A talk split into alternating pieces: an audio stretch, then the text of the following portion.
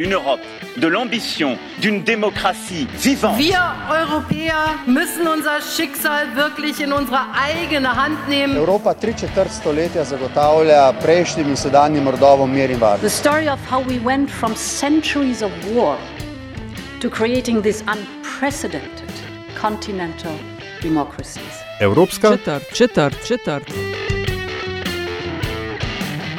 République de Slovénie contre Commission européenne soutenue par République de Croatie. Le tribunal, quatrième chambre élargie, déclare et arrête. Premièrement, le recours est rejeté. Spoštovane in cenjeni, dobrodošli v podkastu Evropska četrt, podkastu o vsem, kar vas bo zanimalo o Evropski uniji, pa niste vedeli, koga vprašati. Evropsko četrt vodi vam Nataša Briški in Aljaš Penkov Pitenc. Podcast domuje na spletni postaji metinalista.si v vašem nabiralniku, pa sveža epizoda takoj, ko je na voljo. In to je epizoda številka 54, Aljaš, uh, znova ambiciozna agenda. Ja, uh, Nataša, kot seveda vsi vemo, ne, je preteklo sredo, 9. septembra, Slovenija izgubila spor okoli Terana, tu pri meni na dvorišču, tako rekoč v Luksemburgu. A je odmevalo v Luksemburgu? Ali Ah, so te? te prosim. Ni. Ne, zakaj? Ja, ne vem, ne. Lej, a je, a je toliko velik tega dogajanja tam, da.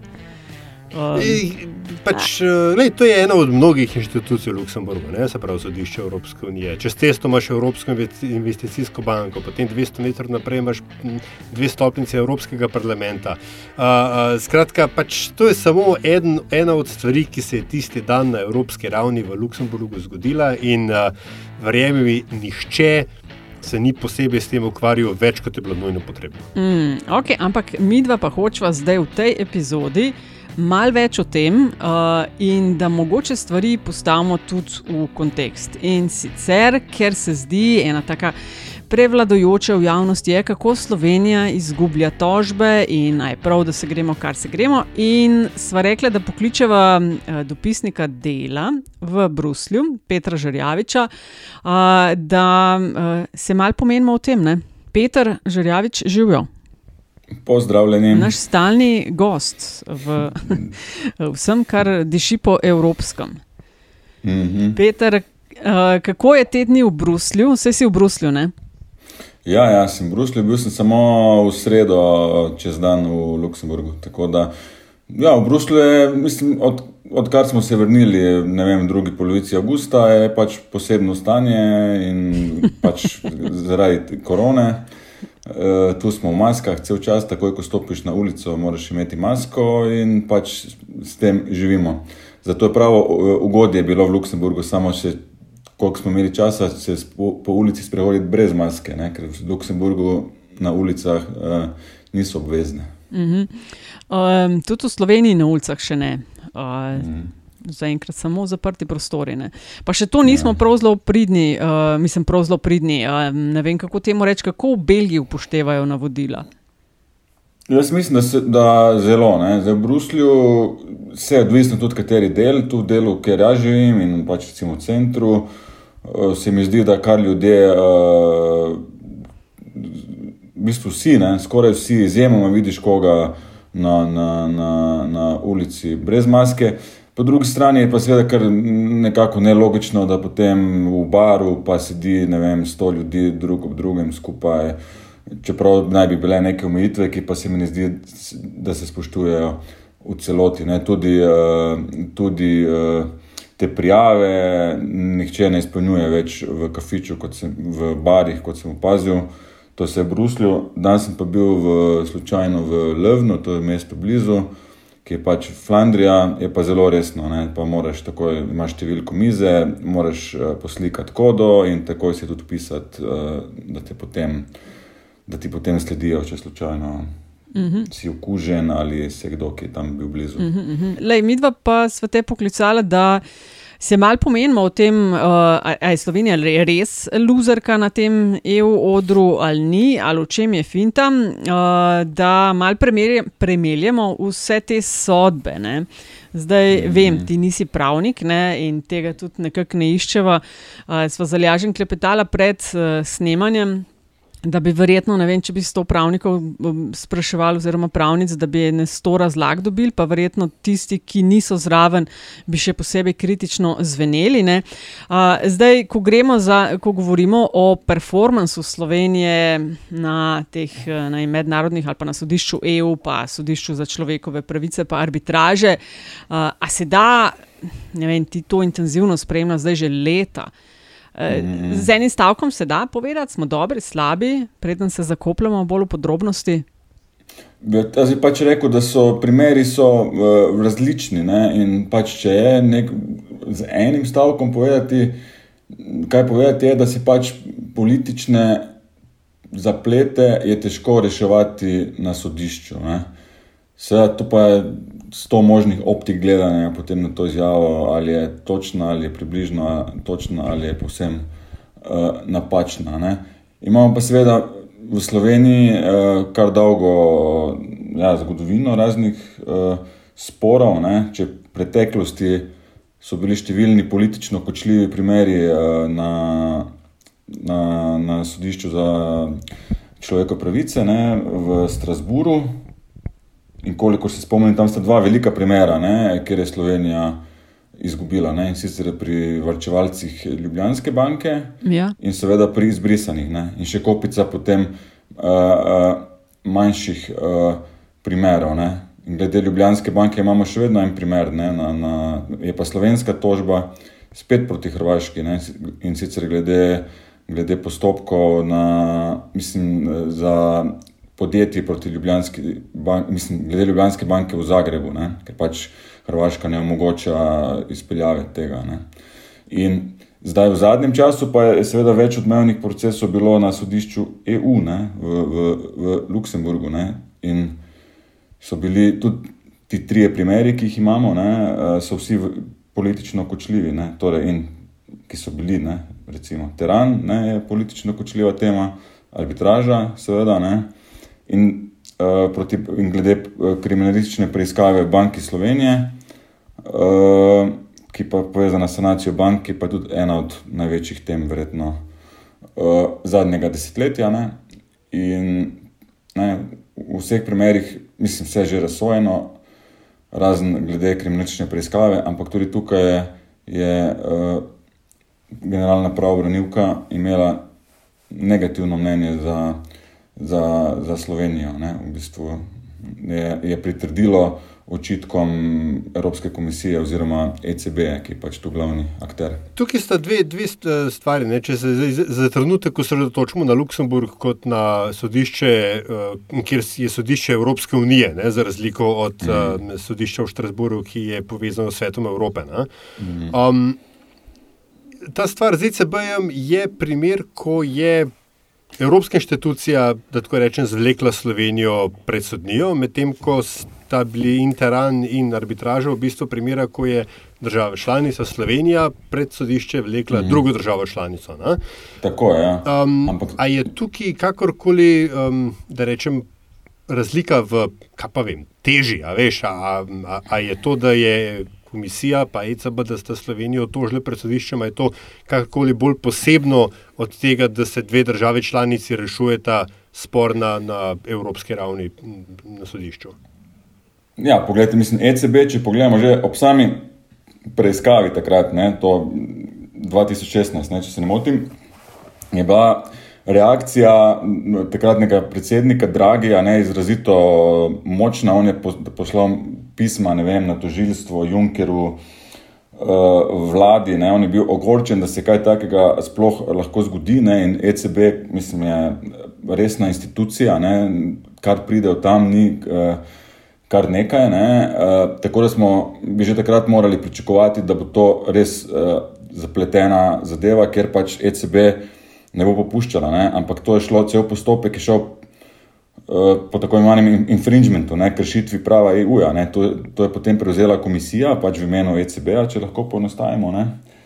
In je na različne načine opozarjala Slovenijo, da je to kršitev, in poskušala, seveda, nekje v zadju eh, pri pomoči k nekemu kompromisu, oziroma k temu, da bi bile kršitve, kot so jih videli, odpravljene. Ne? In je ta tožba pred sodiščem, ne, je v bistvu zadnja faza. Ne? Prej je bilo cel kup že uh, postopkov, v katerih ne, je bil nek manevrski prostor, da bi se, da bi se uh, našel nek kompromis. Ne? Ampak tu neke pripravljenosti uh, ECB-a na popuščanje, vsaj z mojega videnja, ni bilo. Ne? Slovenija pač ali bi sprejela to, kar so oni želeli. Ali ne, ne. Seveda, meni se je zdelo že ob sami preiskavi nepredstavljivo, ne, kaj se je zgodilo. Ne, da pač kriminalisti Ljubljanski, kar stopijo v centralno banko in začnejo odnašati računalnike, gradivo. Ne. Se ne morem predstavljati, ne, da bi se to zgodilo v centralni banki vem, v Luksemburgu ali vem, Bundesbank v Frankfurtu ali na Finskem, ne, da ker pač policija prikoraka in začne uh, odnašati. Zato je tudi. Ne, to, to so zapletene stvari, ECB ima specifično vlogo, da monetarna politika je zapletena zadeva in kar še eh, posebej ne, imamo pa seveda protokol o nedotakljivosti arhivov, ne, ki se lahko tolmači tako in drugače. In mislim, da je tu Slovenija malce nepazljivo se spustila v eno zadevo, ker bo težko išla kot uh, zmagovalka. Um, a pa je uh, mogoče pač stvar, ki vendarle se pač v. Mojem videnju ne, povezuje vse te tri stvari, se si že, sam si omenil to politično komponento. Mm. Ampak um, predvsem teran in seveda tudi arbitraža sta, se mi zdi, posledici nekih notranje političnih izletavanj, ki se potem, ne, ker pač mi branimo uh, slovenske interese na vse možne načine in tako dalje, ne, ker hočemo biti bolj uh, domoljubni od domoljubov. Uh, Se potem ne more končati drugače kot z nekim izpodbijanjem, z neko tožbo na sodišču, če ravno morda, uh, kot si sam rekel, ne, prej le v primeru ECB-ja, se spustiš v nekaj, kar nisi čisto dobro premislil, kakšen je, se temu reče, exit strategy. A, a, a je, a Slovenija, mi, mi se seveda pa vem, da druge države članice uh, uporabljajo ne, te, te sodne procese kot eno od oblik pritiska za reševanje med, meddržavnih sporov in tako dalje. Ali je Slovenija kakorkoli, kaj grdo rečeno, manj sposobna ali pa bolj naivna v, v uporabi teh inštrumentov, ali je pa pač to, bom rekel, na nekem povprečju evropskem, da se tudi druge take stvari dogajajo. Hmm. Zdaj, če gremo recimo arbitraže, tožba države proti državi, ne? to je celotni zgodovini. Je bilo, mislim, da manj kot deset primerov, tožb po tem 259. členu. Uh, in uh, ti primeri so zelo redki. Ne? In načeloma velja, da pač seveda v Uniji države naj ne bi tožile druge drugo, ne? čeprav to seveda pravico imajo in to ni nekako bilo. Že sam, sama namera ne, Slovenije, da gre proti Hrvaški, ni, ni bila pozdravljena. Ne, ne, vem, ne, ne, ne v komisiji, in kolikor vem, tudi pri drugih uh, uh, članicah ne, ne. In tudi na koncu se tudi sodišče ni ukvarjalo uh, samo, samo vsebino slovenske tožbe, ne, ampak je razsojalo v bistvu samo o dopustnosti, poenostavljeno povedano, ali je sploh pristojno za obravnavo take zadeve. In je pač reklo, to, je, nismo, to ni naša pristojnost, mi nimamo s tem nič, ne. mi nismo pristojni za interpretacije mednarodno pravnih um, sporov o meji. Ne. Tako da tu je bila očitno kakorkoli zdaj mi govorimo o takšnem ali drugačnem ozadju, lahko, ne, da pač Slovenija vem, na diplomatski, pravni, politični ravni naredila neko napačno pač presojo. Ne, in tudi nekako, tudi, ko so že prihajali signali, ne, eh, da je pač glavno vprašanje eh, dopustnost ne, in da bodo o tem odločili hitro, tega pri nas nismo nekako eh, hoteli sprejeti. Ne. Ne smemo tudi pozabiti, ne, da kdaj je, bila, kdaj je bil začet ta postopek. Ne. To je bilo, ko se je steklo pol leta, pol leta najprej za, za implementacijo ne, arbitražne razsodbe in uh, spomladi, to je bilo pa pred volitevami 2018. Ne. Ja, in takrat je seveda takratna vlada še Cerarja hotela, predno odide z odra, pred volitvami, ne, še sprožiti ta postopek. Ne. Zdaj, ali je bil timing pravi, ali je bil postopek pravi. Ne. Mi lahko ugibamo o raznih ozadjih, ne. veliko se je ugibalo, kaj se je dogajalo v Evropski komisiji. Dejstvo je, da na koncu da podpore Evropske komisije nismo imeli ne.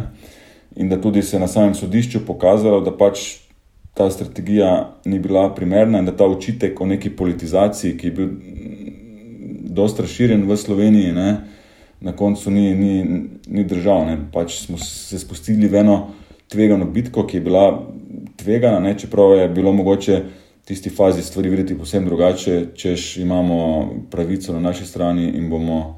In bomo Hrvaška pač se obnaša neprimerno, ne evropsko, ne spoštuje mednarodnega prava, in uh, je samo po sebi logično, da bo Slovenija dobila, ampak očitno ni izbrala pravega člena, ni izbrala pravega sodišča, če sploh kakšno sodišče obstaja. Seveda, in tako je, v bistvu, kako se jaz vidim zadevo, je po tej tožbi, čeprav ostaja enako, ne, arbitražna odločba ostaja enaka in tudi enako obvezo, enako obvezo ima. Hrvaška pa vseeno izgubila, ne vem, kako se reče temu, kako se reče. Upper hand, izgubila je to neko, ima se mi zdi zdaj nekoliko slabše karte v rokah, potem, kot če sploh ne bi šla uh -huh. v ta postopek. Izvolite, Nataša, seveda. Ne, ne, sem to hotel, čeprav razumem, da ima Hrvaška po tej odločitvi, da uh, sodišče EU ni pristojno prednost ali Slovenija. Pa pač v tem nekem psihološko-političnem smislu, ne? ker pač seveda bi bilo Sloveniji boljše, da ne bi tega poraza bilo. Ne? Bi še vedno bilo boljše, se mi zdi, za Slovenijo, če te, tega postopka ne bi bilo s takšnim razpletom. Ne? Ampak to je zdaj, seveda zdaj premišljanje za nazaj. V tisti fazi se je pa zdelo logično, da pač Slovenija gre v ta postopek. Ne? Ampak če zdaj analiziramo za nazaj, bi bilo boljše, da ga, da ga uh, sploh ne bi bilo iz slovenskega vidika. Uh, ampak uh, vprašanje, ki se meni pojavlja, seveda tukaj, je, je ravno to, tukaj se pač zdaj zelo na evropski ravni zelo prekrivata. Ne, um, Politično in pravno, v čisto Sloveniji ne, in v nekem drugem podkastu, zdaj vidimo, kako to zgleda, recimo v stranki Desus, ne, ko se obmetavajo za interpretacijami statutov in mnenji, in tako dalje, ko gre pač vendarle za eminentno politično vprašanje. Ne. A je, um, veš, a, a, je tu, a, a samo psihologiziram, ali gre tukaj za um, slovensko obremenjenost z, z, z litigacijo, ne, z, z sodnijo, čež da. Če vse ostalo zmanjka, če ni dogovora, te bom pa, pač ne, na, na sodnijo pel, da tukaj da mora biti nek zunani arbiter nekih meddržavnih vprašanj med dvema enakovrednima sogovornikoma. Ja, mislim, po svoje tudi neka trma, ne? ker mi smo pač mi, Slovenija, torej očitno presodila te točke, mi imamo prav, ne? ampak imamo tudi pravo na svoji strani. Komisija je politična, to je, bil, pa, to je bila takrat pač mantra, tu so v zadju, kdo ve, kakšne sile vse. Ehm, Jean-Claude Juncker v navezi z Zelmajerjem in delajo usluge Plenkoviču. In še različne teorije, ki so se takrat uh, širile, ne? in mi smo pač neko termo, ne, hoteli tudi po svoje donki, hotovsko, se stopali v to uh, bitko, ne, ne da bi, po mojem, celovito dovolj gledali, kaj lahko to prinese. Ne, da pač sodišče EU kot tako, ne, da ne, ni, ni, ni pripravljeno se, se upletati v uh, take politično. Eh, politične zadeve, seveda z neko interpretacijo, drugo bi lahko tudi ono presodilo, uh, da je tožba dopustna in bi se tudi lotilo uh, vsebinske obravnave, ampak glede na zgodovino sodišča in sicer naravo zadev, s katerimi se sicer ukvarja, ne, da pač ni na koncu, to je bilo jasno tudi v, in v mnenju pravobranilca in potem v sami uh, odločitvi sodišča, črno na belem, povsem jasno, tu ni bilo nekega razumevanja uh, za slovensko tolmačenje uh, zadeve. Ne? In v bistvu s tem je po svoje ne, tudi padla vodo teorija, kako je pač vse bilo politično in na ravni Evropske komisije, in da Evropska komisija iz nekih političnih, strankarsko-političnih razlogov uh, ni se ni postavila na, na slovensko stran, pač to padlo v vodo, ne na, mislim, če ne prej na sodišču. Mimo grede, ko si že omenil pravobranilca ne, in ta, ta mnenja, ker postopek je pač tak, da pravobranilc potem poda neko svoje mnenje pred, pred Evropskim sodiščem, mm. to gre pač za neodvisno inštitucijo znotraj sodišča. Mm, Veliko ne se je potem našlo teh bralcev kavnih usedlin in v slovenskih, in v pač drugih medijih, kadar je šlo za teran in, in arbitražo. Kaj zdaj to pomeni? Um, pa so ti naši bralci, ki so, ki so bili včasih v smislu, da ah, se samo v eni tretjini primerov sodišče sledi, sledi mnenju pravobranilcev, kako je že bilo, tako zelo, kar zgrešili so. Um, a, a, a imamo mi izkušene, dovolj izkušene, pa dovolj izkušenih ljudi? Uh, za, za takšne stvari delati. Ker v enih primerih je Slovenija jemala, um, najemala tuje pravnike iz tretjih držav. Ne? Ja, pa se v bistvu tudi, po mojem, mislim, to je težko uh, reči. Ti so vsi primeri so zelo specifični in tudi znotraj, znotraj EU ima vsak čist, je, ne vem, to, kar smo menjali naprej, Banka Slovenije. To je neko oranje uh, ledine, ne? takšnih postopkov ni, ne? to se tudi ustvarja neka nova sodna praksa, ne? neko novo tolmačenje, kaj je sploh arhiv ne? v digitalni dobi. Ne? če ima vem, guverner centralne banke dostop do tega arhiva na telefonu, ne, to je nekaj drugega kot pač včasih, ko je bil arhiv, so bili neki pisni dokumenti v nekem sefu oziroma v neki uh, dokumentaciji uh, spravljeni. Ne. Mislim, jaz sam načeloma ne bi dvomil o neki pripravljenosti uh, strokovni. To je pač res. Uh, res težko soditi. Ne? Se pač vsaka država eh, zgublja in dobiva primere. Ne? Ampak vsaj, vsaj v primerih, ko gre Slovenija v tožbo, ne? se jim pa zdi, da tu ni bilo ravno dovolj premisleka, ali je res pod tožbo pravilna, ali, ali pa ni to neko politično iskanje nekega pravnega so, oziroma sodnega kritja za neke politične napake. Ne? Pri teranu se mi zdi to še posebej očitno. Zdaj, ti, če pogledamo celo genezo spora, kako je nastal in kako je pač Hrvaška prišla do te zeme, je definitivno. So bile prej narejene neke napake, oziroma ne, če lahko rečemo napake, prej bi za kompromis prostor je cel čas bil, nekaj tudi v drugih primerih, s Hrvaško, glede zaščite znamk, eh, označb, eh, smo imeli eh, kompromise. Ne vse znan primer, recimo podoben s hransko klobaso, ne, je bil tudi spremljivo za vse rešen. Ne, pač Hrvaška še lahko dela 15 let, mislim, da zdaj počasi 5 let že minilo. Pač hransko kobasico, pač lahko v Nemčiji, v Nemčiji še vedno lahko delajo, pač Avstriji, seveda ta krajner vrst, oziroma kar pač imajo s tem imenom. Ne, in je to, ni, to danes se tega noben, nihče več ne spomni kot uh, težave. Ne. Tudi sam po sebi, če pač mogoče to neko, kako se reče, bogokletno. Ne. Ampak meni tudi ta rešitev uh, s teranom, ne, se mi od samega začetka ni zdela. Izrazito sporne. Morda je res za koga. Vem, to, da je z manjšimi črkami zapisan. Ja, pa, da, da, gre ja, za, da, in, da gre za grozdje, ne za vino. Nizko trto, ne, ker v bistvu teran, in ne, to ima židan prav, ne, se teran je ostal zaščiten kot vino. Ne, ni, on pa seveda prej tega ni govoril, on, zdaj, on zdaj govori enako, kot je vedno govorila Evropska komisija, ne, ko je utemeljevala, zakaj to ni problem, ne, da je teran zaščiten. Ne, pa če smo pošteni ne, na Hrvaškem, v Hrvaški istri je vino terans vedno bilo, ne, se to ni zdaj, uh, da, da so si oni izmislili, da in oni vina teran ne smejo več imeti, ne, oni imajo vino, hrv, ki se mu reče Hrvatska istra, to so, ima zaščiteno označbo, ki ga pa proizvajajo, pridelujejo iz grozdja teran. Ne, in, Tako da ne, se mi ne zdi ravno, tudi če se poskušamo postaviti kožo Hrvaške, oni v bistvu nimajo več pravice do, mislim, nimajo pravice do uporabe imena teran za vino.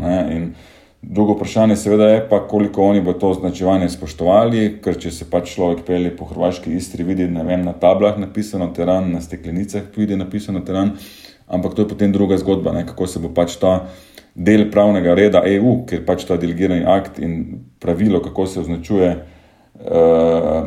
vino na Hrvaškem, je del pravnega reda EU, kako se bo potem to v praksi spoštovalo. Se mi zdi, da se odkar je delegirani akt veljavi, to ne spoštuje. Hočeš reči, da se nam obeta v prihodnje mogoče priložnost za novo?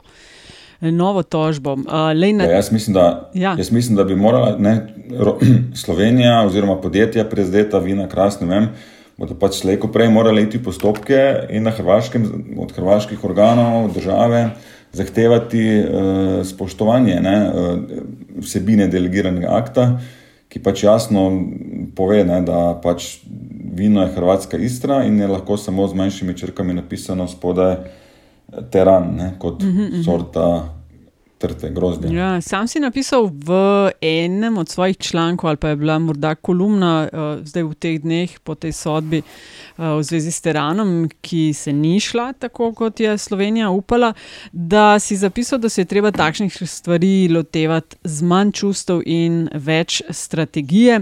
Zdaj, uh, vmes pa si enkrat tudi omenil, da vemo, da stvari v Bruslju, Evropska komisija in tako dalje niso nujno samo. Eh, kaj so dejstva, ampak da velikrat gre tudi za, vem, za, za moč politično, za lobiranje.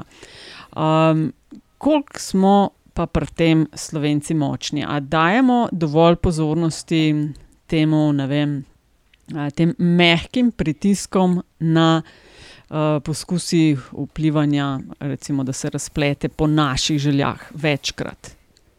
Mislim, to je zdaj seveda lahko bolj špekuliramo, ne, glede na razplete. Ne, bi marsikje bi rekli ne, ne ker recimo Teran je bila taka res zgodba, kjer bi lahko kaj dosegli. Ne, ampak po drugi strani vemo, da slovenski uh, ministri, državni sekretarji so imeli, ne, imajo uh, težave s prihodom v Bruselj, da jih tukaj so definitivno. Uh, premalo uh, aktivni, ne, da se pač stvari urejajo drugače, ne, kot samo z udeležbo uh, na raznih ministerskih uh, sestankih. Tako da mislim, da, to, da to je uh, resen problem ne, za Slovenijo, ne, sploh pri takšnih zadevah, kot ko gre za res za neko nacionalno stvar. Medtem ko po drugi strani vidimo, ne vem, recimo pri vprašanjih povezanih s. ne vem, konkretno s kohezijo, ne, pa Slovenija vendarle uh, uspeva ne, v nekih postopkih doseči uh, kakšne rešitve, ki so malo pa istopajoče ne, in so pač dokaz vseeno nekega, uh, nekega bolj. Uh, bolj uh, strateškega uh -huh, uh -huh. dela. Le, če slabo leto bo Slovenija prevzela predsedovanje svetu EU, a opažaš kaj več aktivnosti, kako se vi pripravljate, dopisniki in dopisnice? Ja, mislim, da, da Slovenija se zdaj, ja, preselili so se v nov objekt, ne, oziroma začasno, ker bodo pa ne v času predsedovanja in še potem še nekaj časa, dokler ne bo uh, stara hiša obnovljena. Tako da seveda prihaja v, v Bruselj, če dalje več uh, novih ljudi iz Slovenije, ker mislim, da bo to, vse, mislim, da se bo krok podvojila tukajšnja ekipa, ne, da pač v samem Bruslju, pa tako vemo, kako je, ne, da tu smo še vedno tako rekoč v krizi, ker nekih fizičnih srečanj je malo, izre, veliko manj. Ne, tudi če spremljamo zdaj uh, nemško predsedstvo, ne, do prejšnjem hrvaškem uh, ne govorimo, tako da bo to verjetno.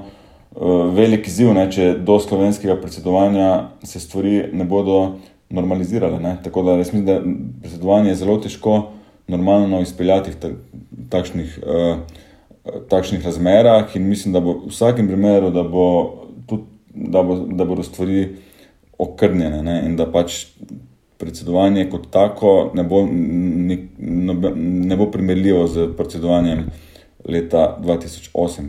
In to pa je vrsta razloga, tudi ker se je vmes način dela EU e spremenil. Uh, da pač predsedujoča država ima manjšo vlogo, da cela neka klima je eh, drugačna. Ne? Da pač recimo 2008 je Slovenija eh, predsedovala kot prva novinka in to je bilo veliko pripravljenosti eh, na pomoč na vseh straneh. Velik interes je bil, da, da predsedovanje uh, uspe. Ne?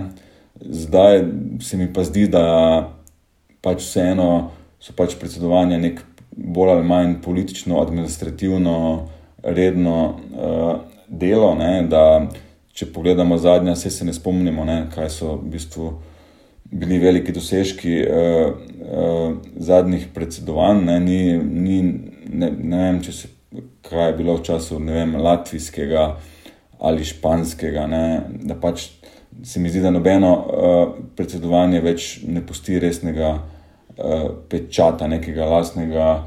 Odtisa, ja, ja, koncept je drugačen ne, od tiste prejšnje. Ja, ne vem, da pač če se pogovarjamo, pa pač reče, da ja, pa, ja, se pa Estonci so pa svojo digitalno ne, zgodbo kar naredili. Ne. Ampak nasplošno se mi zdi, pa, da vse v Bruslu je to pač predsedovanje že dojeto kot neko nujno zlo, da pač ena država poskuša. Seveda so večje države, trenutno pač Nemčija poskuša na nek drugačen način, na dinamično ima poskuša neke stvari premakniti, ki se dolgo niso. Uh, premaknile, ne, recimo azilno-migracijski svežen. Ampak je to je vprašanje, to teh nekaj mesecev je res težko stvari. Uh, uh, Ta tanker premikati. Uh, ja, in tudi, če gledamo, je Evropski svet ne, postal ta glavni akter, ki določa uh, politično uh, agendo, ne, in da so pač vse te silnice v Evropskem svetu, na drugih ravneh je pač vseeno bolj neka še izvajalsko delo in pač Slovenija, predvsem druge manjše članice z omejenimi vem, kadrovskimi finančnimi viri, so pač prisiljene k temu, da čim bolje pač to uspejo nekako uh, poiskati skupno stališče pri kakšnem kočljivem vprašanju, voditi trialoge s parlamentom. Ne. Jaz mislim, da Slovenija, kar se bo zgodilo, je, da, bodo, da bo na, na mizi bo več aktov, ne? ker pač komisija je, nova komisija je pripravila svoje velike strategije in zdaj bo prihajala počasi z novimi zakonodajnimi akti, in številni od njih bodo pač v, kako se reče, temu pipeline oziroma postopkih v času slovenskega predsedovanja. Tako da to, to pa se mi zdi, da bo neka eh, večja, eh, večji, večji zalogaj. Ne?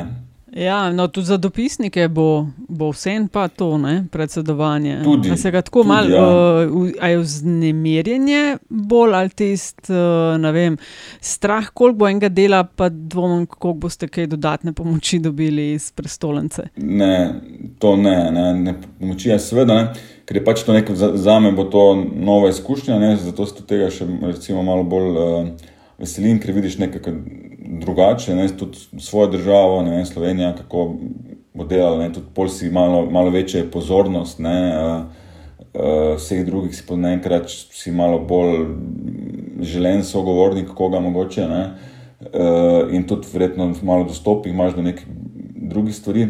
Uh, in ja, ampak seveda bo več dela, ne, ampak tudi zdaj, če primerjamo z drugimi državami, neke, neka praksa ravno ni, ne, da so res okrepljene uh, ekipe. Ne. V bistvu se mi tudi zdi zelo pomembno, kako bo pač v Sloveniji to, ta slovenski del uh, opravljen, na kak način recimo predsedovanje tudi dela z tega vidika, kaj se bo dogajalo v Sloveniji. Ne.